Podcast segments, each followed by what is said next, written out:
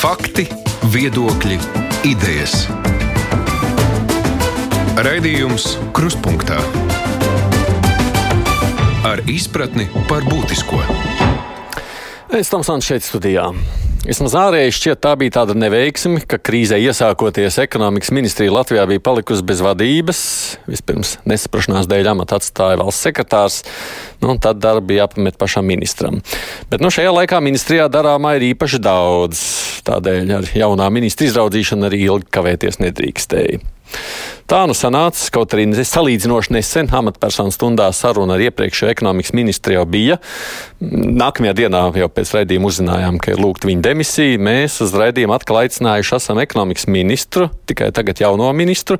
Es cerēju, ka mums attālināti būs pievienojies Jānis Vitenbergs, bet es tikai redzu karogas divus, vai tas nozīmē, ka viņš šobrīd man nav redzams. Nav. nav. es ceru, ka viņš parādīsies tūlītās un mums būs arī pieejams. Mūsu sarunai, kā jau parasti, tā ir tā stunda, kad raidījuma viesis var izvaicāt vairāk žurnālistu un arī klausītāji. Bez manas jautājums uzdos arī ziņa aģentūras Leta žurnālists Andrejs Mēters. Andrejs Redzes, sveiks, Andrej! Sveiki! Jā. Un arī Romāns Meļņiks, laikraksts dienas, sveiks, Romāns! Labdien! Klausītāji savus jautājumus var sūtīt elektroniski uz adresi krustpunktā Latvijas radio LV vai arī caur mājaslapu nosūtot ziņu raidījumam krustpunktā. Mums ir arī ētera tālruņa numurs 6722 888, otrs numurs 6722 559, tikai man ir jāpabrīdina, ka kādu laiku pie telefona klausulas var nākties gaidīt, un tas attiecas, jā, vēlreiz jāsaka, tā tad uz radio tiešraidi, jo televīzijā pēc tam jau ir redzams tikai ieraksts. Vitenberga kunga tagad redz pie uh, kameras. Labdien jums! Sākam arī uzreiz ar jautājumiem. Es visu pieteikumu esmu pasakījis. Droši vien tādam ievadam vispirms, kā tad ir. Visi darbi šobrīd ir aptverti, viss notiek, jo iesildīties taču nav laika, vai ne? Viss notiek. Ir aptverti vairāk nekā pirms nedēļas, taču nu, process ļoti, ļoti intensīvs. Arī tikko bija saruna ar premjeru un tiešo skrienu pie jums. Un, Darba pietiek un tiešām ļoti intensīvs cēliens. Kam tagad ir pievērsta galvenā uzmanība no jūsu puses? Šobrīd mēs strādājam uz diviem, diviem tiem virzieniem. Viens ir tāds nu, aktuālās uh, lietas, uzņēmēju atbalstam, nu, tā krīzes menedžēšana, un otrs jau, kad esam sākuši strādāt jau kādu laiciņu pie šī ekonomikas attīstības plāna izstrādes, un arī to parunājam šodien ar premjeru, un iesaistīsim arī viņu biroju. Un, uh, vēl citas dažas ministrijas, lai tas plāns būtu tāds uh, visaptvarošāks un ne tikai varbūt par ekonomikas ministriju, bet uh, pa visu kopīgo lauku arī, kas skar citas iesaistītās ministrijas. Nu, proti, runa par to, kas attiecas tad, kad, tad, kad vērsimies vaļā. Tā? Jā, kas varētu būt nu, tie publiskie iepirkumi un Eiropas fondu pārdales, ja lai aktīvāk, maksimāli aktīvāk mēs šo naudu iepludinātu Latvijas ekonomikā un nejustu šo, kā lai saka, nu, to mm. krīzes dibenu. No. Ok, kolēģi, droši uzdodiet jautājumus. Andrejs, pirmais, jā. Nedzirdu tevi, Andrej, tu neesi dzirdams. Dzirdat? Tagad, tagad dzirdam, jā. jā. Par šo pašu sanāksmi, no kuras laikam, kā mēs saprotam, izrāvām jūs ārā. Vai ir kaut kādas konkrētas lietas, ko jūs jau uzreiz varat pateikt nu, uzņēmējiem, sabiedrībai par to, kā tad iesim no krīzes ārā, kas ir kāds atbalsts sagaida uzņēmējus? Šobrīd jau mēs vairāk kā nedēļu strādājam ministrijā, esam piesaistījuši eh, uzņēmējus un uzņēmēju organizācijas, lai tas eh, plāns būtu tāds praktisks. Šobrīd skaidri iezīmējās tā, tā vīzija, ka tas atbalsts ir nepieciešams eksportējošiem uzņēmumiem, mūsu eksportējošiem uzņēmumiem, lai kā, nu, attīstītu un dot, dot viņiem investīcijas jaudu attīstīšanā, produktivitātes celšanā. Tas varētu būt tāds pamats instruments, jo šobrīd mēs strādājam tik, eh, ar altumu šīm programmām, lai atbalstītu uzņēmumus uz eh, šiem ikdienas līdzekļiem, lai nepārtrūktu viņiem šī ikdienas tēriņiem nepieciešamās naudas, bet tālāk jau būs jāiet uz tādiem mērķētiem investīciju atbalsta rīkiem. Nu, Protams, kā, kādā ziņā, jūs, kādā veidā jūs grasāties viņus atbalstīt? Tas, kas, nu, tas, ko es arī, tas, ko es šobrīd teicu, ka tās būs ļoti svarīgas eksporta garantijas. Uh, lai uzņēmēji šobrīd būtu gatavi varbūt, turpināt šo eksporta ražošanu, nebaidoties no tiem riskiem. Arī šobrīd Eiropas Savienībā ir tās bažas, ka ir dzirdams stāsts, ka nesamaksā par eh, piegādātajām precēm ar šiem eh, eksporta garantijas atbalstu mēs palīdzēsim uzņēmējiem un arī ar šīm investīcijas naudām, kas būs arī šajā investīcijas paškapitālā, par ko šobrīd strādājam ar Altumu, kas varētu būt 100 miljonu lielajiem uzņēmējiem, taisni, lai attīstītos un iegūtu tādu papildus spēku šajos smagajos konkurences apstākļos. Mm -hmm. okay. Jo ir skaidrs, ka šobrīd ir tās, tās tendences, kas, ko, ko mēs ministrijā analizējam, redzam, ka paliks šie tirgi tādi lokālāk, noslēgtāk, katras valsts ietvarā un, un pirks varbūt vairāk šo lokālo preci un e, tās eksporta tādas konkurences apstākļi paliks ar vien smagāk un būs grūtāk e, konkurēt. Okay. Viena lieta, ka jūs e, atbalstīsiet finansiāli tos uzņēmumus, bet varbūt vajag arī organizatoriski atbalstīt. Un, teiksim, ja jums ir bažas par to, ka citas valsts partneri var nesamaksāt, vai, vai, vai cik viņi droši. Varbūt, ka vajag ministrijām ar citu valstu ministrijām kontaktēties, lai šos riskus mazinātu, lai mazāk būtu jāiegūda naudiski. Varbūt, ka var tās garantijas dot arī valdību līmenī. Tā nauda jau tiks uh, ieguldīta uzņēmējiem pašam, nebūs jācīnās, lai dabūtu to naudu atpakaļ. To palīdzēs Altums, ja? bet uh, to naudu jau tā nekur gaisā nepazudīs. To pēc tam arī strādās pie tā, lai atgūtu. Ja? Un valdību kontekstā. Tās eh, sarunas notiek intensīvi, arī tāpat ārlietu ministrija aktīvi iesaistās par šiem jautājumiem, kas skar ne tik daudz, varbūt pat šobrīd, kā cilvēku pārvietošanās, kā preču ierobežošana, kas vienā brīdī bija ļoti aktu, aktuāla problēma dēļ šīs polijas, varbūt tādas politikas, ka robežu bija ļoti grūti pārvarēt. Tad pirmais tas vilnis, ar ko saskārās mūsu ekonomika, bija taisnība cilvēku kustības ierobežošana un tās problēmas, ko kas eh, sākās pēc tam, kad mēs ieviesām šos eh, krīzes regulējumus. Ja, tad otrs jau bija tas vilnis, kas bija ar preču kustību. Un tas ietekmēja tieši ekonomiku un tautsēmniecību varbūt pat vairāk. Cik, cik šīs atbalsts, finansiālās atbalsts ar autumu būs pieejams visiem? Jo es saprotu, ka ir daži, nu, krīzes sākumā mēs redzējām, ka bija saraksts ar nozarēm, kuras ir jāatbalsta, tur nolabēja noteikts no, nozara asociācijas. Vai šobrīd nav tā, ka tās nozara asociācijas un dažādas nevalstiskās organizācijas, citi lobbyisti nolabēja kaut kādus atbalstus, tie nav pieejami visiem, tie ir kaut kādiem konkrētam jomam paredzēti? Nu, šobrīd eh, ar Altumu tieši kars, karsti skaitļi esam eh, saņēmuši dats, ka ir iepludināti jau 100 miljoni Latvijas tautsēmniecībā caur Altumu. Tas ir diezgan tāds eh, ātrs, ātrs process un ļoti operatīvi, un mēs nemitīgi viņus paplašināsim šīs Altuma, Altuma programmas. Un šobrīd šodien tā jau ir šī eksporta garantija programma, ja turpinājumā tas būs paškapitāls. kapitāls Un tas darbs, tas, tas darbs nekur nebeigsies, un viņš ir eh, tādā procesā visu laiku jāpiln, jāpilnveido. Un es neteiktu, ka šobrīd ir kāds konkrēts uzsvars uz uh, konkrētām nozarēm. Pirmās, kas krita kā tāda domino kauliņa, bija tas, kas ir saistīts ar cilvēku pārvietošanos, kur, kur bija visas šīs nu, nezinu, kino, teātris, visas turisma uh, iestādes. Un, uh, kur, kur tieši bija, bija, bija pirmais tas iespējas, kad sākās šī, dēļ veselības šī krīzes tāda kā ierobežojumi un procesi, tad tās bija pirmās nozares, par kurām mēs eh, domājām, kuras saņēma tālāk, jo mēs šīs krīzes nozares eh, pārveidojām par uzņēmējiem, kur ir skarti no krīzes, un līdz ar to tas ir viss lauks, viss tautsēmniecība.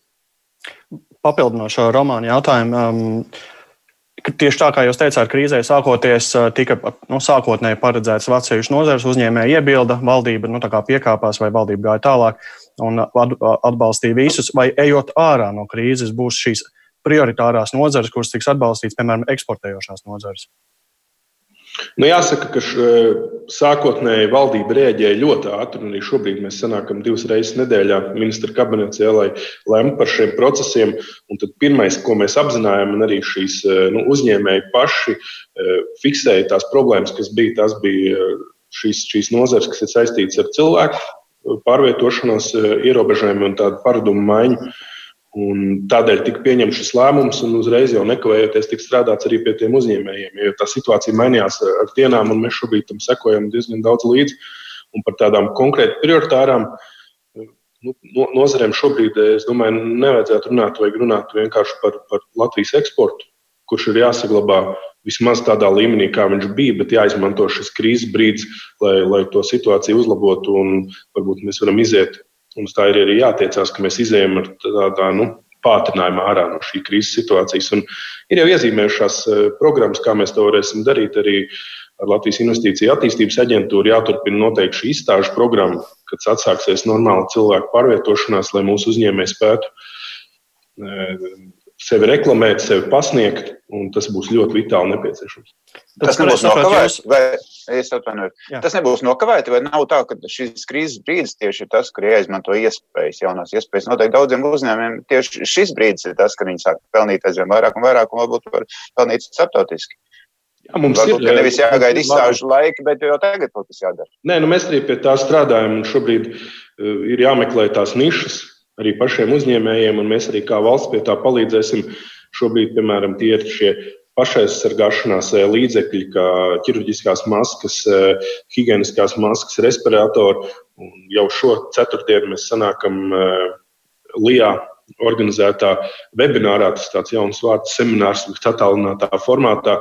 Esam nedēļas laikā apzinājuši uzņēmējus, kuri varētu ražot visas šīs nepieciešamās lietas, jo man liekas, nav īsti pieņemami, ka mēs šobrīd uh, tik daudz, daudzskaitlīgi un tik, tik daudz dažādas produktus pērkam, teiksim, Ķīnā.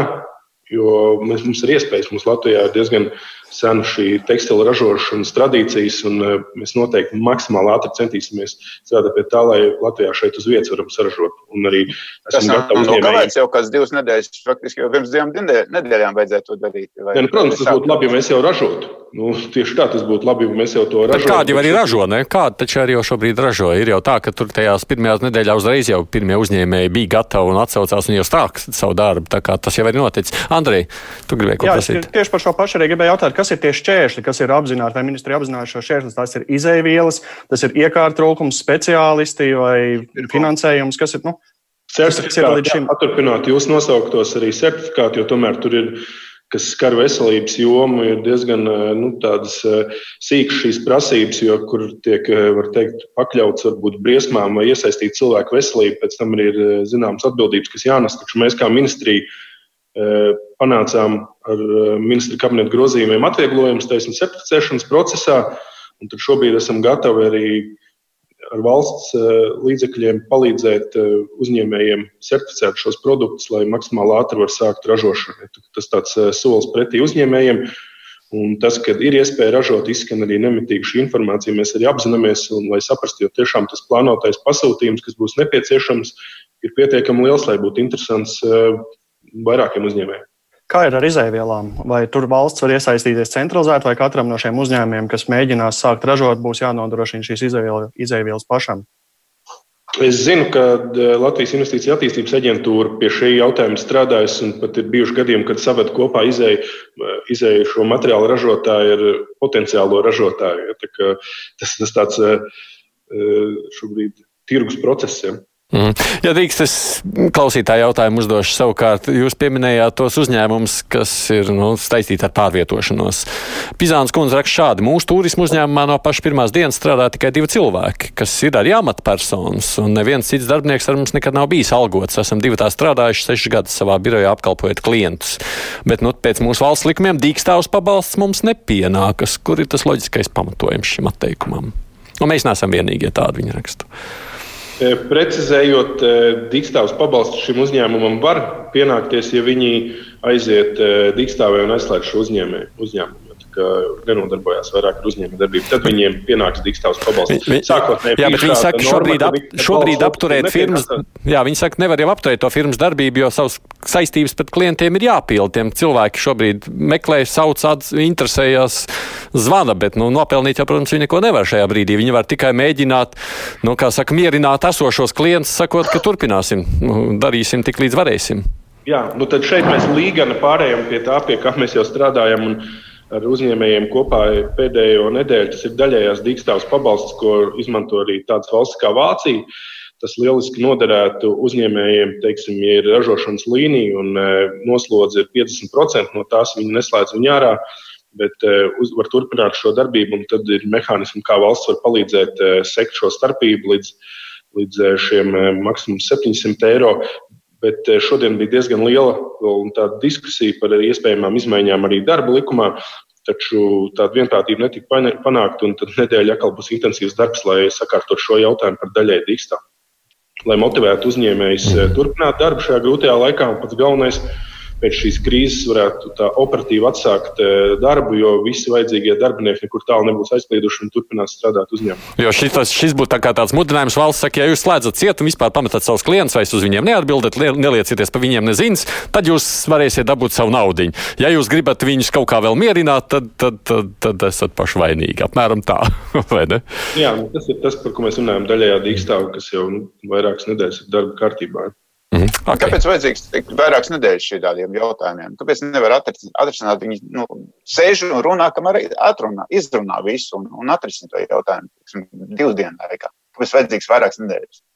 Nu, mēs e, šo dīkstāvus regulējumu valdību pieņēmām tādā nu, ātrā, operatīvā tempā. Un, Katru nedēļu lien, lien kā tādi īlēni no maisa ārā jaunas, jaunas vajadzības. Tad bija šie valdes locekļi, ja, tad, e, tad tie bija pensionāri, kur var apvienot ar darbu. Ja. Tad šobrīd mēs strādājam pie tās daļējās diktāvas, katru ik, ik brīdi apzinot jaunas tās lietas, un tas ir tas process, kā tas notiek. Nevalstiskās organizācijas arī ir darba devēji. Tiem nekāds atbalsts nepienākās, lai cik daudz nodarbinātu cilvēks. Tas, tas droši vien nav jūsu jautājums, bet arī tāpat ir. Ne, šo, šobrīd ir jau jaunas lietas arī, tā, ka, piemēram, ja valdes eh, locekļiem ir bijuši kaut kādi pārkāpumi, tad līdz ar to arī viņa darbinieki nevar saņemt šo atbalstu. Kaut eh, es uzskatu, ka darbinieki šeit nav vainīgi par to, ka valdes loceklim ir bijušas kādas nesaistītas, neizpildītas saistības ja, pret valsti. Tā, tā, tur darba pietiek katrā ziņā, un eh, ikdienas ik izskan kaut kādi jauni varianti. Tad bija par šiem uzņēmumiem, kur ir sākuši darbību šī gada pirmajos trīs mēnešos, sākuši veiksmīgu darbību, ja, bet tagad tāpat kā arī tie, kas ir bijuši jau agrāk, eh, sākuši šo darbu, tāpat ir nokļuvuši nepatīkamā situācijā, krīzes apstākļos, bet viņi arī šobrīd šo atbalstu nevar dabūt. No uzņēmējiem izskan nu, tāds kā aicinājums vai viedoklis, ka arī valstī būtu kaut kas jādara, jāsolidarizējas ar uzņēmējiem. Protams, varētu samazināt savus izdevumus, piemēram, atalgojumus, samazināt ne tikai komandējumu izdevumus. Kāds ir jūsu skatījums, ko, ko ekonomikas ministrijas resorā varētu samazināt, piemēram, vai par dalību Expo Dubajā? Expo Dubajā šobrīd eh, nav pat dienas kārtībā, jo uz gadu viņš ir arī pārlikts. Tā mūsu lemšana par šo, par šo pasākumu noteikti būs dienas kārtībā, bet tur būs jāizvērtē nu, tādi riski, nu, vai viņš pildīs to funkciju, vai cilvēki līdz šim laikam būs atsākuši pārvietoties, un viņa ikdiena būs iegājusi ierastajos ritmos. Un otrs, nu, ka šis var būt tāds labs rīks arī, lai savus eh, uzņēmējus parādītu pasaulē, un viņi iegūtu šos jaunos tirgus. Tur būs tā izvēle jā, jāizdara vēl sekojot līdz tiem notikumiem, kas notiek eh, nemitīgi. Ja. Un par eh, mūsu iekšējo resortu tās eh, darbības tiek pārstruktūrētas, lai palīdzētu maksimāli vairāk eh, Latvijas iedzīvotājiem. Jo, kā piemēru var minēt, eh, Lijā bija cilvēki, kas strādāja lidostā un informēja pasažierus atbraukušos un, un aizbraukušos par dažādām aktualitātēm. Šobrīd mēs izveidojām uzņēmumu, uzņēmumu uzņēmumu un cilvēku atbalstu centru. Tāda centrāla, kur strādā pieci cilvēki, kur apkalpo zvanus un sniedz atbalsta informāciju pa visu lauku. Cilvēks var pazvanīt, teiksim, uzņēmējs viesnīcas īpašnieks, izstāstīt situāciju, kādā viņš ir nokļuvis, un tad turpretī cilvēks viņam var pateikt rīks un atbalsta mehānismus, kam viņš var kvalificēties un kur viņš tos var dabūt. Manuprāt, ļoti labs eh, mehānisms šobrīd vienā vietā sazvani un uzzina visu to informāciju. Lasu Krūmiņa kunga rakstīto, viņš saka tā, jūs teicāt, ka eksporta tirgos vērojams ir lokālā patēriņa uz vietas ražoto preču patēriņa pieaugums, kas apgrūtina eksportu. Vai uz šādu fonu arī mums nav liederīgāk tieši stimulēt vietējo patēriņu, palielināt iedzīvotāju ienākums ar pabalstiem, subsīdijām, nozīmīgiem darbspēku nodokļu samazinājumiem? Jā, par eh, šo lokālo pat, patēriņu, lokālu patriotismu. Tā ir lieta, kas mums, eh, latviešiem, līdz šim, eh, es domāju, ka piekliboja. Kā piemēram, var minēt eh, piena produktu patēriņu, ja, ko veikalos mēs nopērkam, ka tas ir salīdzinoši par citām Eiropas valstīm diezgan zems, ka mēs patērējam diezgan lielu šo daļu no eksporta produktu no, no, no, no importu produktiem, ja, un, kur bieži vien ir nosaukt latviešu vārdos, un varbūt pat iedzīvotājs neiedziļinoties, pat uh, nenojauš, par ko šeit ir runa. Bet šis noteikti ir tas brīdis, kad mums ir jāsāk pirkt uh, vairāk vietējā prece. Neizslēdz arī, ka mēs kā ministrija varētu strādāt pie, pie rīkiem, pie atbalsta mehānismus tieši vietējiem ražotājiem. Bet tev ir laikam runa arī. Eiropas saimnībā šādi rīki. Jā, jā, labi. Kāda rīka var būt tāda e, šī situācijā, ka mēs esam kopēji? Ja mēs runājam par pienu, bija akcija godīgs piens, ja, lai ar šo uzlījumu katrs paks parādītu, ka tas ir e, vietējais Latvijā ražotais un arī ar, caur lijā ar šīm e, varbūt reklāmas kampaņām un tāds iedzīvotāju informēšanas mehānismiem. Ja. Protams, mēs nedrīkstam slēgt robežas un aizkavēt kaut kādas preču plūsmas, taču papildus tādi nu, kā marketinga triki un iedzīvotāju informēšanu to vajadzētu izmantot. Tā, faktiski par finansējumu un pabalstiem droši vien tas nebūs arī jautājums jums, tas ir finanšu ministram, tāpēc es to tālāk arī negribu turpināt. Andrs Bērziņš prasa, vai ir plānots uzņēmējiem kompensēt izdevumus, kas rodas Covid-19 sakarā. Ceļu būvniekiem tie mēnesī veido kaut kādas 11 tūkstošus eiro. Latvijas ceļu būvētāji viņš prasa. Nu, līdz šim eh, būvniecības nozare ir tā, kas varbūt ir eh, cietusi relatīvi maz ceļu, ceļu būvnieku un būvniecību, jo šis agrais pavasaris viņiem ļāva uzsākt eh, šos darbus, varbūt tāds, ko pagājušajā gadā viņi vēl nevarēja uzsākt. Ja, un, šobrīd par ceļu, par ceļu nozari. Ceļu nozari nav, nav dzirdēts šāds lietas. Ir skaidrs, ka tikko arī pēc sarunas ar premjeru un satiksmes ministru tas secinājums, ka ceļu būva varētu būt viens no šiem eh, rīkiem, Eiropas fondu pārdalē, pie kā mēs varētu kā, strādāt un investēt šo naudu, jo tas arī būtu mehānisms, kā tā nauda maksimāli ātri ieplūst Latvijas ekonomikā un šo slikto ceļu stāvokli, varbūt defektu varam pārvērst par efektu. efektu. Jā, viņš piemin Lietuvā, ka tur esot 140 miljonus nolēmts šobrīd papildus ieguldīt ceļos šādā veidā stimulējot ekonomiku. Tas varētu būt arī ceļš, ko iet Latvijā. Ja? Jā, nu, ceļu būvniecība ēkas siltināšana tas būtu tādas lietas, kas šobrīd iezīmējās, kad ir tāda politiskā vienprātības, ko vajadzētu teikt, uzspiest. Ja. Okay, kolēģi. Jā, ja drīkst tagad. Uh, vīrus, protams, var mutēt, un, un šis varbūt nav pēdējais gadījums, kad mums jātaisa šāda distancēšanās no vispārējās pasaules. Uh, droši vien, ka jāmainās ekonomikai, jāmainās ražošanai.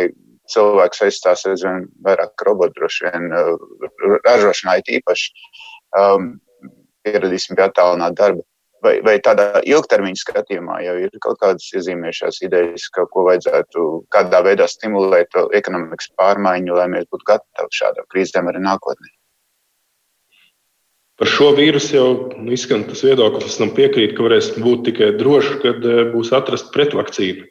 Jā, jā, bet viņš var mutēt un, un viņi var parādīties tādu pašu jaunu, bez vakcīnas atkal.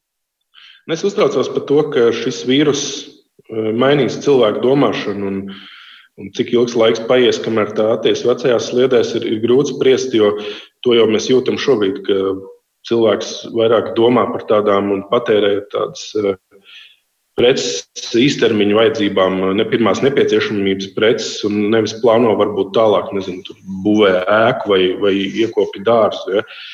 Un, un līdz ar to tas lielāko iespēju atstās, manuprāt, uz ceļošanu ka tas, kas Latvijai ir diezgan svarīgs, arī Rīgai bija šie kruīzi kuģi, kur ceļo pārsvarā veci, cilvēki gados no, no Rietuma Eiropas un no, no Āzijas. Varbūt cilvēki, ja, tik, es domāju, šī nozare atkopsies vislēnāk, nu, turisms atkopsies vislēnāk, un uh, otrs varētu būt šīs uh, ražojošās, ražojošie uzņēmumi. Taču nu, mums būs jāsako līdzi. Tie varētu būt, kas šobrīd jau izskan IT risinājumi, papildus, kas varētu būt. Un, Es domāju, arī samazināsies šie piegāžu, piegāžu ceļu ķēžu garums, jo, jo Ķīna šobrīd arī nu, to, ka viņi bija tādā eh, bija bloķējusi to savu rūpniecību, un tas, tas eh, bija ļoti nepieciešams ātri rēģēt un atrast tās nepieciešamās lietas šeit pat kaut kur eh, tūmā un kaut kur blakus. Un es domāju, tieši šīs samazināsies šie pārdošanas ceļi. Jūs pieminējāt šo, ka turisms un viesmīlības nozara atkopsies vislēnāk. Vai jums ir ko teikt tiem cilvēkiem, kas sēž un tagad klausās un skatās, ko viņiem sagaidīt, vai sagaidāms arī kāds atbalsts šajā ilgstošajā atgūšanās periodā? Mēs esam runājuši par atbalstu, lai, lai palīdzētu cilvēkiem varbūt iegūt jaunas iemaņas un pārstruktūrizēties, kas varētu būt ar, ar valsts atbalstu šajā izglītības un darbinieku pilnveidošanas programmas. Mm. Es atgādināšu šiem klausītājiem, kas vēlāk pieslēgušies mums šī saruna, attālināt, protams, kāds ir ieras, bet ekonomikas ministrs Jānis Vitenbergs ir šeit. Mums iztaujājams Andrejs Mēters, mans kolēģis no Leta un Romāns Meļņiks no Laikraksta dienu. Arī klausītāji man jāatgādina, ir iespēja zvanīt, ne tikai rakstīt rakstāmo jautājumu, man diezgan daudz ir šeit uz ētera uzdodot savu jautājumu. Raidījums Krustpunktā. Viens ļoti konkrēts jautājums, kāpēc Dīkstāvs pabalsts nepienāks lidostas Rīga darbiniekiem, prasa Linārds. Lidostas Rīgas darbinieki, tas arī būs viens no cits stāsts, viens no lielajiem uzņēmumiem, kur katrs uzņēmums būs jā, jāvērtē atsevišķi. Ir skaidrs, ka lidostai būs nepieciešams finansiāls atbalsts no valsts, jo Tāpat kā mēs jau runājam par Air Baltiku, ja, tad eh, šī, šīs lietas ir kā cimdiņš ar rociņu, kur viena bez otras droši vien šobrīd īsti nav iespējama. Bet pie tā, pie, pie lidostas jautājuma, um, mēs noteikti strādāsim. Mm. Labi, kolēģi. Jā, drīkst. Kur ir tie jautājumi, kas tagad ir nolikti malā, kurus jūs neskatāt? Teiksim, vai kā vai kaut kāds cits, kas, kas Covid dēļ ir mazāk uh, steidzami, bet kuri arī varbūt pēc tam atstāt kaut kādas sekas, ja viņi netiek laicīgi risināti. Šobrīd tādi, nu, teikt, šī, šī nedēļa jau, kur iesaistam tajā ikdienas darbā, neatliekamās e, vajadzības, kas nav saistītas ar, ar vīrusu. Ja, tad šodien e, pēc šīs sarunas tiekos ar e, Latvijas energo vadību, lai saprastu, kāds ir šobrīd status viņiem, ja, kā viņi tiek galā ar šo krīzes situāciju, kā tur ir nākotnes perspektīvas un tādas kā tā situācija ir ap viņiem. Ja, līdzīgi ir arī ar, ar, ar, ar citām šīm pakļautības iestādēm, ka neko īsti malā negrasos atlikt. Viss ir jāņem pakāpeniski klāt, ātri jāiedzinās, jāpūst, lai varam virzīt uz priekšu. Nu, šobrīd, eh, varbūt, kas, kas tādā brīdī bremzējās, tā ir likumdošanas eh, process eh, saimā, ja, jo viņi šobrīd sanāk un nestrādā varbūt tik intensīvi, kā strādāja pirms tam, kas ir saistīts ar šo attālināto darbu. Pirms ķerties pie varbūt tās mhm. ar Covid nesaistītām lietām, jautājums um, rezonanci vakar izraisīja jūs jaunā padomnieka Jāņa Ošlēja izteikumi, ka apst, pašreizējos apstākļos sejas aizsargmaksu pirkšanā būtu maksājumi jebkura cena, un no šiem uh, iepirkumiem būtu jāizvāc korupcijas novēršanas un apkarošanas birojas. Savukārt cits jūs padomnieks, Kristaps Klauss, viņam oponēja, ka nekriminālu nesaimniecisku darbību parasti vērtē valsts kontroli. Kāds ir jūsu skatījums, vai nepieciešamības gadījumā būtu jāpievēr, jāpievēr acis uz koruptīviem darījumiem? Jā, es eh, nu, nedaudz precizēšu. Jānis Ošlējs nav mans padomnieks. Eh, mēs viņu esam piesaistījuši kā citus uzņēmējus arī šī ekonomikas atlapšanas plāna izstrādē, jo Jānim bija savs redzējums, un tā ideja man likās diezgan saistoša. Bija, bija grēks viņu neizmantot, jo viņš jau bija par to lietu jau domājis un strādājis. Un līdz ar to šobrīd viņš aktīvi ņem dalību šī plāna izstrādē, bet viņš ir viens no komandas uh, locekļiem. Tas viņa izteikums ir diez, diezgan varbūt, eh, nu, skaļš un provokatīvs, bet nu, tas lai paliek kā Jāņa izteikums. Jūs kā jūs skatāties uz to? Ne, nu šobrīd ir, protams, ka man, mans kā ekonomikas ministra mērķis ir motivēt un maksimāli atbalstīt vietējos ražotājus, lai mēs šīs nepieciešamās lietas ražojam šeit uz vietas un arī patērējam Latvijas produktus. Un, bet nu, tur tādam samērīgumam iepirkumos ir jābūt, un no tā mēs nevaram izvairīties. Ja par citiem jautājumiem jūs jau pieminējāt, mums bija savukārt iepriekšējās pusstundā pirms jums ēterā saruna par vēju parkiem Tukumā, kurš kārtējais lēmums ir pieņems neatļaut no pašvaldības puses, un šis nav pirmais gadījums, protams, kad nu, iedzīvotāji protestē un šos te vēju parkus nebūvē. Um, tas ir, tur ir būtībā divas daļas. Ko jūs redzat, ko vajadzētu darīt, lai, lai Latvijā veicinātu tomēr šo atjaunojumu enerģiju, ja reiz pašvaldības saka ne, un otrs pats jautājums vispār kā tāds. Šī jau nav vienīgā vieta. Mums ir pietiekoši daudz ražotņu, kur nu, iedzīvotāji saka, viņi negrib. Un tad, savākt tiek parakst, un visas šīs idejas no uzņēmējiem nu, nogrimst kaut kur nebūtībā. Kā šos problēmu risināt? Nu, mēs dzīvojam laikā, un varbūt politiskajā iekārtā tādā, ka nevaram neņemt vērā iedzīvotāju vēlmes, un tas ir ļoti svarīgs. Un, ja runājam konkrēti par šiem vēja parkiem, tad es ļoti atbalstu šo nu, zaļo atjaunojumu elektroenerģiju, ir skaidrs, ka arī šis Eiropas kurs ir izvirzīts tāds, ka mums uz to ir jātiecas. Un, par to noteikti jādomā un tā jāattīst. Ja, bet konkrēti šajā, šajā gadījumā es negribētu varbūt izcelt kādu konkrētu investīciju projektu, ir jāskata šī visa politika kopumā. Un man liekas simpātisks šis modelis, kad piemērs pie Jelgavas kūdras purvā izstrādātā uzbūvēt šo vēja, vēja, vēja rotoru, kurš vēja parku, pat, kurš ne, nekaitē neacīna arī konkrēti netiek aizņemts lauksaimniecības zemes. Tad šobrīd mums ir izveidots šis eh, kurzemes lokus, kur ir pietiekami laba šī infrastruktūra. Noteikti šo loku vajadzētu arī kā, koncentrēt mūsdienu eh, nākotnes šīs, eh, šos vēja parkus. Ja, man patīk arī tā ideja un liekas simpātiski par šo vēja enerģijas parku būvniecību mežos ja, kā, vai jūrā. Mm -hmm, okay. Es, ja drīkst, vēl pacelšu klausulu, un tad uh, kolēģi. Halo! Uh, labdien, Tomson kungs! Labdien! Kungs. Uh, vēršos ar jums pie jautājuma. Esmu dzirdējis, ka no daži cilvēki saka, esot uh, biroji, turismu biroji, kur strādā it kā nelegāli, bez licencēm, un, un jautājums ir, vai ir tāda, nu, vai viņiem, nu, iespējams, ka viņiem arī var būt, uh, nu, dīkstāvs pabalsts piešķirs, un, un cik tas ir godīgi, ja viņi bez licencēm strādā un, un nelegāli, vai viņiem arī pienākās, un cik tas ir godīgi. Nu, tāds ļoti specifisks jautājums. Es nezinu, vai tā informācija jums ir pieejama. Es ļoti ceru, ka šādi gadījumi nav. Un, uh, Nu, tad, protams, tas nav godīgi. Un, uh, es, ne, es nezinu, īsti, kāds ir iespējams, ja strādā uzņēmums uzņēmums šāds bez licences, kā viņš var kvalificēties šim pabalstam, jo tie kriteriji jau ir diezgan specifiski un tos grūti izpildīt. Jā, es domāju, tie drīzāk varētu būt kādas personas, kas nodarbojas ar tādām lietām, bet nu, tā kā tas nav oficiāli reģistrēts, tad arī nekādu pabalstu viņiem nevajadzētu pienākties. Kolēģi Andrei! Jā, regulators brīdināja Konexus, ka šis uzņēmums neizpilda certificēšanās prasības, jo Gazprom joprojām ir akcionārs. Un, uh, lai gan vajadzēja pārdot tās akcijas 31. decembrī. Vai Latvija veids sarunas ar Gazprom par akciju iegādi, un kādi ir Latvijas instrumenti, lai nu varbūt piespiesti Gazprom um, domāt par šo akciju atsevināšanu vai vismaz informēt Latvijas valsts par akciju atsevināšanu?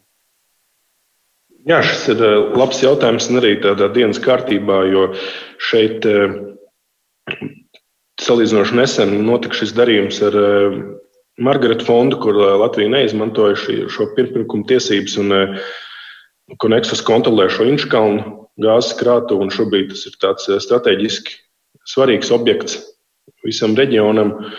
Un, un, un, drīzumā jābūt skaidrībai par šo Gazprom akciju daļu, jo ir skaidrs, ka ilgtermiņā viņi nevarēs ieņemt šīs pozīcijas abos šajos uzņēmumos. Vai jūs varat definēt drīzumā, jo tā jau ir kopš 31. Nu, decembra? Es atklāti sakot, nezinu, cik daudz es drīkstu komentēt par šo jautājumu. Tādēļ eh, tāds neliels mulsums no manas puses. Man ir jāiepazīst varbūt vairāk ar situāciju, ko es drīkstu teikt sabiedrībai, ko, ko nedrīkst. Var, varbūt tas ir no šīs pašas sērijas. Jūs eh, vakar eh, ministra kabineta sēdē slēgtajā gaļā tika skatīts jautājums par ietekmi drošības, nacionālās drošības nozīmīgai komerckompānijā, vai tas bija saistībā tieši ar um, Konexus vai kādu citu energokompāniju? Nē, tas nebija saistīts ar Konexus. Un, uh, un tie, tiešām uh, jābūt ļoti piesardzīgam. Negribu, lai ne, nepiešķir pielaidi, sākot tikko strādāt. Ja, ja atvainosiet, ja tik līdz sapratīšu, ko es šajā jautājumā drīkst komunicēt, tad es jums noteikti izstāstīšu visu, ko es drīkst stāstīt. Okay. Uh, ministri ieskatā savukārt Reinas Āboltiņš prasa, kas ekonomikas ministrijai jādara, lai veicinātu, ka maisaimniecības daudz aktīvāk izmanto elektroenerģijas brīvā tirgus dotās iespējas un nepārmaksā par elektrību, turpinot izmantot universālo pakalpojumu. Mēs zinām, Āboltiņa kungs diezgan aktīvi propu, nu, propagandē šo ideju, ka vajadzētu tikt prom no tā universālā, bet cilvēki jau ir diezgan kūtri nedomā šajā virzienā. Es domāju, mēs ejam ļoti straujiem soļiem uz priekšu, un uh, Latvijā šobrīd ir pieejami diezgan daudz iespējas un alternatīvi šie enerģijas, var teikt, uh, tirgotāji, tā situācija uzlabojās diezgan ātri. Tāpat tās uh, tecienāts tirgū pirms pāris gadiem, un arī viņiem sekmīgi šis produkts strādā, un arī kaimiņu valsts, kas nāk iekšā. Es domāju, tur tikai attīstīsies, un tā, tā cīņa paliks ar vien asāku lai kaut visas lietas pašas notiks, tirgus sakārtos. Jā. Jā, šobrīd jau nu, konkurence ir stipri lielāka nekā pirms uh, gada vai diviem. Labi, Ramāna, tev ir kas jautājums? Mm -hmm. Jā, jā. Es par šo pašu jautājumu, es domāju, ka cilvēki reiķinās ar saviem ienākumiem un grib stabilus izdevumus arī zināt. Tad, tad tas stabilais pastāvīgais maksājums ir tas, ko var prognozēt. Bet runājot par elektrības rēķiniem, iepriekš bija ļoti daudz iniciatīvas par OIK likvidēšanu, kas, kas tiks vai netiks darīts šajā jomā. Šobrīd šis jautājums ir saimnes tautsēmniecības komisijai nokļūs uz galda, ja, tad es no, no, no, no šī jautājuma šobrīd varbūt, eh, kā lai saka, Distancējies. Distancējies nav īsti pareizais vārds. Eh, nu, atgādināšu to, ka mēs, kad es pats vadīju tautsēmniecības komisiju, mēs kāds 15 sēdes eh, veltījām. Tas bija tāds nopietnākais likumprojekts, ko, ko izskatīja manā komisijas vadīšanas laikā, un mēs beidzot šo OIK, jeb šo elektroenerģijas tirgus likumu ielikām rāmjos ar šo konkrētu kontroļu eh, sistēmu un pārkompensācijas jautājumiem. Un ļoti specifisks un tāds eh, smags likuma projekts, un šobrīd jau tas nes eh, rezultāts, ka katru mēnesi samazinās šī, šī OIK sadaļa. Ja? Taču, protams, ka tagad tas, ko mēs kā politiskais spēks sagatavojām, tādu radikālāku soli oika atcelšanai. Ja? Viņš, ir, viņš ir dienas kārtībā, un es ceru, ka pēc iespējas ātrāk saimē atgriezīsies ierastā eh, tādā darba ritmā, un tas būs arī jaunajiem tautsēmniecības komisijas vadītājiem. Ceru, ka Ralfam Numīro, ka viņš šo stafetes kociņu būs nodevis pats sev un varēs ķerties klāt un strādāt. Un tad mēs tādās mainītās pozīcijās strādāsim, kad es iešu kā ministrs pie viņa un viņš vadīs komisiju. Neizklausās, ka jūs ļoti atbalstītu viņa, viņa idejas un viņa darbību šī jomā. Nenoiks šobrīd ļoti svarīgs arī būs šajā pēckrīzes eh, situācijā, kad eh, elektrības rēķini būs eh, vitāli svarīgi mūsu uzņēmējiem, lai viņi būtu konkurētspējīgi. Es domāju, ka tā, šī jautājuma svarīgums nekur nav pazudis, un viņš vēl ir nopietnāks kā jebkad agrāk. Bet jums pašam ir pārliecība, ka pieņemot šo likumu tāds, kāds viņš ir, kāds ir iesniegts, ar šo visas problēmas būs atrisināts, OIKS vairs nebūs problēma ne uzņēmējiem, ne valdībai, ne sabiedrībai? Nu šobrīd, eh, kā jau ir, kā notiek bieži vien, kad likumprojekts saimā trīs lasījumos, viņš iegūst eh, bieži vien savādāk afēdi nekā viņš ir nokļuvis saimā. Taču ļoti svarīgi būs dzirdēt arī citu ministriju, tieslietu un, un, un finanšu ministrijas izvērtējumu par šo reālo ietekmi un tiem tiesvedības draudiem, jo šobrīd tas, kad figurē šis miljards, uh, kā, kā, kā risks, ja, tad es gribētu tam tādu varbūt nu, nopietnāku segumu un atzinumu. Mm. Es pacelšu klausulu. Halo! Labdien! Labdien. Atvainojiet, Pajautāt, nu, tam ekonomikas. Viņš dzird, jūs droši jautājiet, jā. Drīkst? Jā, jā, jā, viņš dzird jūs jautājumu. Man nav jāpārstāst. Jā. Es gribēju pajautāt, kā viņš skatās uz jautājumu, kas mums sagrautā rūpniecībā, piemēram, nu, iznīcinātā no Eiropas prasībām cukurrūpniecība. Otrs, ka tagad tos miljardus mēs varam ieguldīt, ka mums dod Eiropa milzīgu naudu. Ja? Mēs varam arī atjaunot metālurgu, kurā mēs ražot ne tikai stiegrojumu dzelzbetonu konstrukcijām, bet arī profilu tērauds, kurš iet ļoti ietu. Un... Nu, lielā, es, es atvainojos, ka es tā saīsinu. Lielā rūpniecība, metālurgs, cukurs. Mēs nevaram viņus drīkst likt vienā kabatā, bet nu tomēr. Es gribētu varbūt uzreiz sākumā pateikt, ka Nu, tas varbūt pat ir kā mīts, ka šobrīd mēs runājam par to, ka mums ir uh, sagrauta un, un nav valstī šī rūpniecība. Ja, arī kā komisijas vadītājs ļoti aktīvi braukāju pie, pie uzņēmējiem un arī uz dažādām Latvijas pašvaldībām. Tas, ko tu redz uz vietas, ir ļoti daudz uh, jauni, talantīgi un šie uh, jauni, varbūt pat ražošanas veidi. Un es gribētu teikt, ka tā, tā iekārta un tas laiks, kad katrā lielajā pilsētā, pilsētas centrā bija milzīgs metālurģijas uzņēmums vai kāds cits ar tādu arī nopietnu ietekmi uz vidas. Gribētu teikt, ka tas laiks ir pagājis un viesojoties arī Liepājā un runājot par pilsētas vadību, par šo metālurģijas uzņēmumu. Man pārsteidz, ka tas, ja es braucu ar tādām ekspektācijām, ka pilsētā viss ir varbūt slikti, jo ir aizvēries milzīgs tāds uzņēmums, bet viņi ļoti ātrā tempā ir šo situāciju, var teikt, arī šo defektu pārvērtuši par efektu. Ir parādījušies daudz jaunu uzņēmumu, un viņi gaida šo zaļo gaismu, kad pārstāsies process liepais metālurgu, lai varētu šīs nu, vietu, šīs, šo infrastruktūru ļaut izmantot citiem ražojošiem uzņēmumiem, kur būtībā stāv rindā un ir gatavi nākt iekšā, jo ļoti labs Eh, dzelzceļa mezgls, elektrības eh, pieslēgums, ka tur viss tā infrastruktūra jau ir. Un es domāju, ka nevajadzētu tiekties uz to, ka ražot, teiksim, nu, naglas vai armatūru pilsētas centrā milzīgā uzņēmumā. Mm. Okay. Pat labi, jā, nu, izvērtējot, kā varētu izskatīties dzīve pēc krīzes, daudz tiek runāts par to, ka nu, Eiropā daudzi pārvērtēs savu sadarbību ar Ķīnu un daudzas ražotnes varētu arī pārvietot, piemēram, uz Eiropu. Tā skaitā arī varētu Latvija būt potenciāls. Savukārt pirms krīzes Lietuvai bija nu, salīdzinoši vērā ņemama panākuma piesaistot ārvalstu investīcijas, tās pašas Vācu autobūsu industri, industrijas. Vai jums ir skaidrs, teiksim, ko Latvija varbūt tās nelīdz garam, galam darīja pareizi pirms krīzes, un kā pēc krīzes jau varētu piesaistīt vairāk investīcijas, kas būtu ražotnes un līdz ar to arī darba vietas?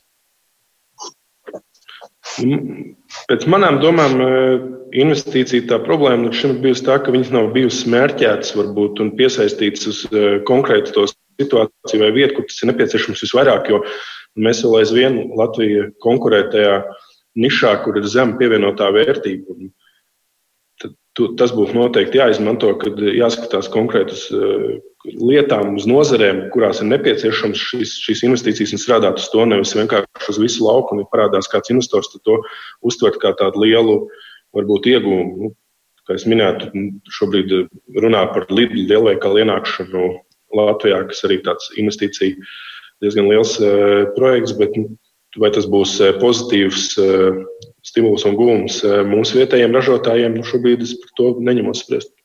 Ja, mans jautājums vairāk bija par tieši par ražošanas uzņēmumiem. Kā panākt, ka ražošanas uzņēmums atver šeit? Nu, Lijā arī Latvijas Investīciju attīstības aģentūra ir nomen, nomenījies vadītājs pirms arī tāds salīdzinoši neilgu laiku un ļoti enerģisks un tāds aktīvs. Es domāju, ka tas viņam būs izaicinājums, viņam pie tā arī jāstrādā. Tas varētu būt arī viens no maniem uzdevumiem viņam. Mm -hmm. Pacelšu klausulu. Halo! Labdien. Man ir jautājums un replika. Protams, ka liepais metālurgs nevienam netraucē. Vienai tāda rūpnīca reģionā bija jābūt. Bet jautājums man jums tāds. Vai jūs esat pārliecinājis maizīti, ka jūsu darbība nekādi neapdraudēs noziedznieku firmu, mūsu pērkamo politiķu, OIK rūpalu? Paldies! Jautājums eh, ļoti labs. Maizīšu kungu neesmu centies eh, pārliecināt. Par, par to, ja jautājums bija, vai, vai manu lēmums un man, man, man, man šo ceļu var kāds iespaidot no malas, tad uh, esmu tajā gadu laikā, jau kopš esmu vadījis komisiju, es domāju, esmu pierādījis, ka es pats pieņemu lēmumus un pats rīkojos. Mm. Tas ir tas, ko es varu teikt šajā. Labi, Roman, tev ir kas jautājums vēl? Mm -hmm. Jā, jā. Nu, pat pieminēja maizīti, iepriekš pieminēja pielaidi. Kā ir ar pielaidi? Iepriekš droši vien tautsēmniecības komisijas vadība bija pielaidi valsts noslēpumiem, tagad viņi jākārto no jauna. Tautsēmniecības komisijai nav nepieciešama, vadītājiem nav nepieciešama pielaide, taču es darbojos arī Nacionālajās drošības, Nacionālajā drošības komisijā, un tur man šāda pielaide bija. Viņa ir nepieciešams teiktu, pārformēt šobrīd, ja, un to esmu tos datus visus iedevis un ceru, ka īsā laika termiņā saņemšu šo pielaidu. Vai vēl kāds kolēģiem jautājums, es varu skatīties? Es pajautāšu, jā, jums mantojumā no jūsu priekšgājēja palika jautājums par valsts sekretāru, kas arī bija viens no nu, uzņēmēju un, un citu amatpersonu satraukuma iemesliem, ka ministrija ir bez ministra un valsts sekretāra. Kāda ir jūsu nostāja attiecībā uz Edga, Erika Eglīti? Vai viņš būtu saglabājams amatā vai pārceļams uz centrālās statistikas pārvaldi un viņa vietā iecelt Edmundu Valanti? Šobrīd Erikam Eglītam ir eh, trīs disciplināri lietas ierosināts par viņu darbību kā valsts sekretāru. Un, viņš pats ir uzrakstījis atlūgumu, kurš, kurš ir e, pieņemts un parakstīts no iepriekšējā ministra. Viņa darbība ministrijā beidzās 15. maijā, arī šobrīd es uzskatu, ka pie tā arī ir jāpaliek. Un arī 15. maijā visticamāk būs e, pēdējā Erika Eglīša darba diena ministrijā. Šobrīd uh, valsts sekretāra pienākums pilda Edmunds Valants. Darbojās arī visu šo krīzes laiku, kad nebija politiskā vadība ministrijai. Puisis ļoti centīgs, strādā brīvdienās, raksta dažādas ēpastus arī naktī, un es nezinu, kad viņš guļ. Es domāju, ka Edmundam ir jādod iespēju, un viņš šobrīd sev ir pierādījis, ka viņš to darbu grib darīt. Un, un skatīsimies, kā, kāda mums tā Edmunds sadarbība izvērtīsies. Tad, ja jūs virzīsiet viņa apstiprināšanai valsts sekretāra amatā? Jā. Mm, okay. Garāka vēstulīte no Egīla. Viņš vispirms vēl jums izturību un asu prātu un sakot, viss ir labi, bet ir darbs piliens. Viņš saka par šo jautājumu. No 1. aprīļa bija jāstājas spēkā obligātajam biodegvielas pieaukumam, kam jāveicina ir vietējo ražotāju situācija. Bet tā vietā, lai notiktu dēļ Covid-19 aizsardzības draudiem, pēc ārzemju degvielas ražotāja iniciatīvas šis obligātais degvielas pieaugums ar atpakaļošu datumu tika atlikts. Pie apspriešanas tika pielaist tikai importa produkcijas, jeb degvielas tirgotāji. Tas veids, kā šādi lēmumi tiek pieņemts, liek radīt, rada bažas vai tiek ņemtas vērā vērā visu pušu viedokļi. Nezinu, vai ekonomikas ministrija vērtēja, vai šī pārcelšana var ietekmēt arī kādu vietējo biodegvielas ražotāju naudas plūsmu, bet šis jautājums ir aktuāls. Tā raksta mums Igīls. Nu, šo, šobrīd eh, šis jautājums ir eh, jāskata eh, tādā rakursā, ka degvielas tirgotāji bija iepirkuši rezerves, jo vienkārši skatoties arī pēc iepriekšējo mēnešu un dažiem pēc iepriekšējo gadu tirdzniecības, Un no 1. aprīļa sākās eh, šis laiks, kad ir jā, jābeidz tirgot arktiskā, jeb eh, ziemas degvielu un jāsāk tirgot ar šo biodegvielas piemaisījumu. Taču viņi šie visi rezervāri un uzkrājums bija palicis ļoti liels, jo tas degvielas patēriņš jau ar šiem krīzes visiem ierobežojumiem un arī izmaiņām bija stipri samazinājies. Un tad nu, tā, tā, tā situācija tā ārā, ārā neviens nelies neko, tad iedeva, iedeva, tika iedots viņiem atļauju pagarināt šo tirzniecību, bet tas termiņš ir, manuprāt, bija nedēļa, ka tas nav ilgtermiņa pasākums. Ja iztirgojam atlikumus un uh, sākam tirgot uh, degvielu ar biodegvielas pieaugumu. Okay. Kolēģiem ir kāds jautājums? Ne? Jā, par, par kadru politiku. Jā. Nu, pat tika piesaukts valsts sekretāra jautājums, bet ir vairākas institūcijas, iestādes, kur, kur droši vien būs mainījis vadību, iecels to pašu statistikas pārvaldu un tam līdzīgi piesaucot. Kādi plāni, kā atlasīt un ko likt? Un šobrīd jautājumi ir padaudz, jā, ir konkurences padomu, tāpat arī Latvijas energo uz, izmaiņas arī ostu pārvaldībā. Tas mērķis paliek nemainīgs - profesionāli cilvēki, ar labu reputāciju. Ir tādi, protams, kā viņus atrast. Esmu dzirdējis, ka Latvijā vēl daži ir. Nu, Andrej, tev vēl kas jāsāms? Šodien konkurences padomas vadītāja Skaidrīta Abramē ir pēdējā diena šajā amatā.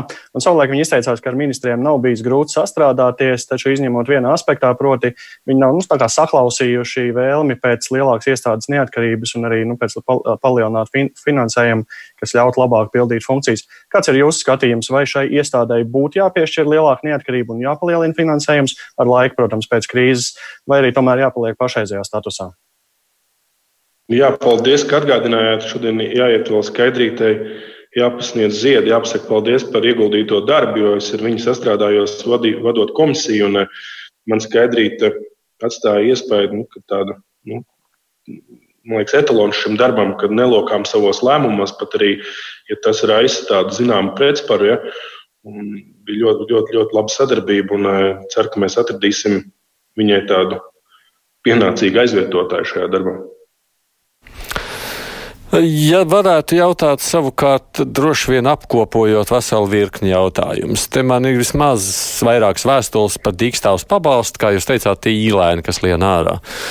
Nav jēgas man droši vien visus tos īlēnus arī šeit skaitīt. Kā jūs dabūjat šo atgriezenisko saiti, kā jūs uzzināt, kur ir tās problēmas un ko jūs iesakāt tiem cilvēkiem, kas saka, nu lūk, te ir problēma, kur viņiem rakstīt, kur zvanīt, pie kā vērsties? Nu, daža, dažādi šīs saites ir. Es teikšu, ka raksta Facebookā, tad eh, tulīt būs eh, Facebook eh, pilns. Ja, bet tāpat ir uzņēmēju organizācijas pārstāvošās, kas ir, kas nāk arī. Un, un, un Tāpat arī ekonomikas ministrijas pakļautības iestāde LIBE apzinot un veicot šīs, vācot statistiku par konkrētām nozarēm, lai saprastu, kā, kā, kā konkrēti nozara reaģē uz šo krīzes laiku. Ja. No viņiem nāk liela atgriezeniskā saite, tad tādējādi mēs to lauku arī nosacām. Un apkopojot, nu, arī pēc tam konsultējamies ar vidu un, un finanšu ministru saprast, eh, kā mēs varam izdarīt tā, lai maksimāli lielāks cilvēku skaits eh, var kvalificēties un saņemt tie, kuriem nepieciešams šis atbalsts, lai viņš nav uz papīra, bet lai viņi reāli dzīvē viņu var saņemt. Tāds Varbūt, ka vajag izveidot kaut kādu, nezinu, vienu vietu, kur, kur jūs sakāt, nu, lūk, viss rakstiet, tad skatīsimies.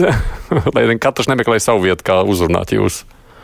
Izmantojot eh, šo lijā tālruni ka tur var saņemt pilnu informāciju par visu lauku. Tādēļ viņš ir izveidots, lai palīdzētu cilvēkiem. Okay, tas arī mūsu klausītājiem, tiem, kas raksta, tad ir noteikti jāņem vērā.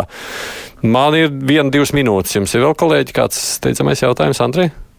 Es varbūt nezinu, vai tas steidzams ir, bet jā, nu, varbūt tās atbildi neizdevās pagājušā nedēļā dzirdēt, vai vismaz varbūt nebija ministram dot iespēju.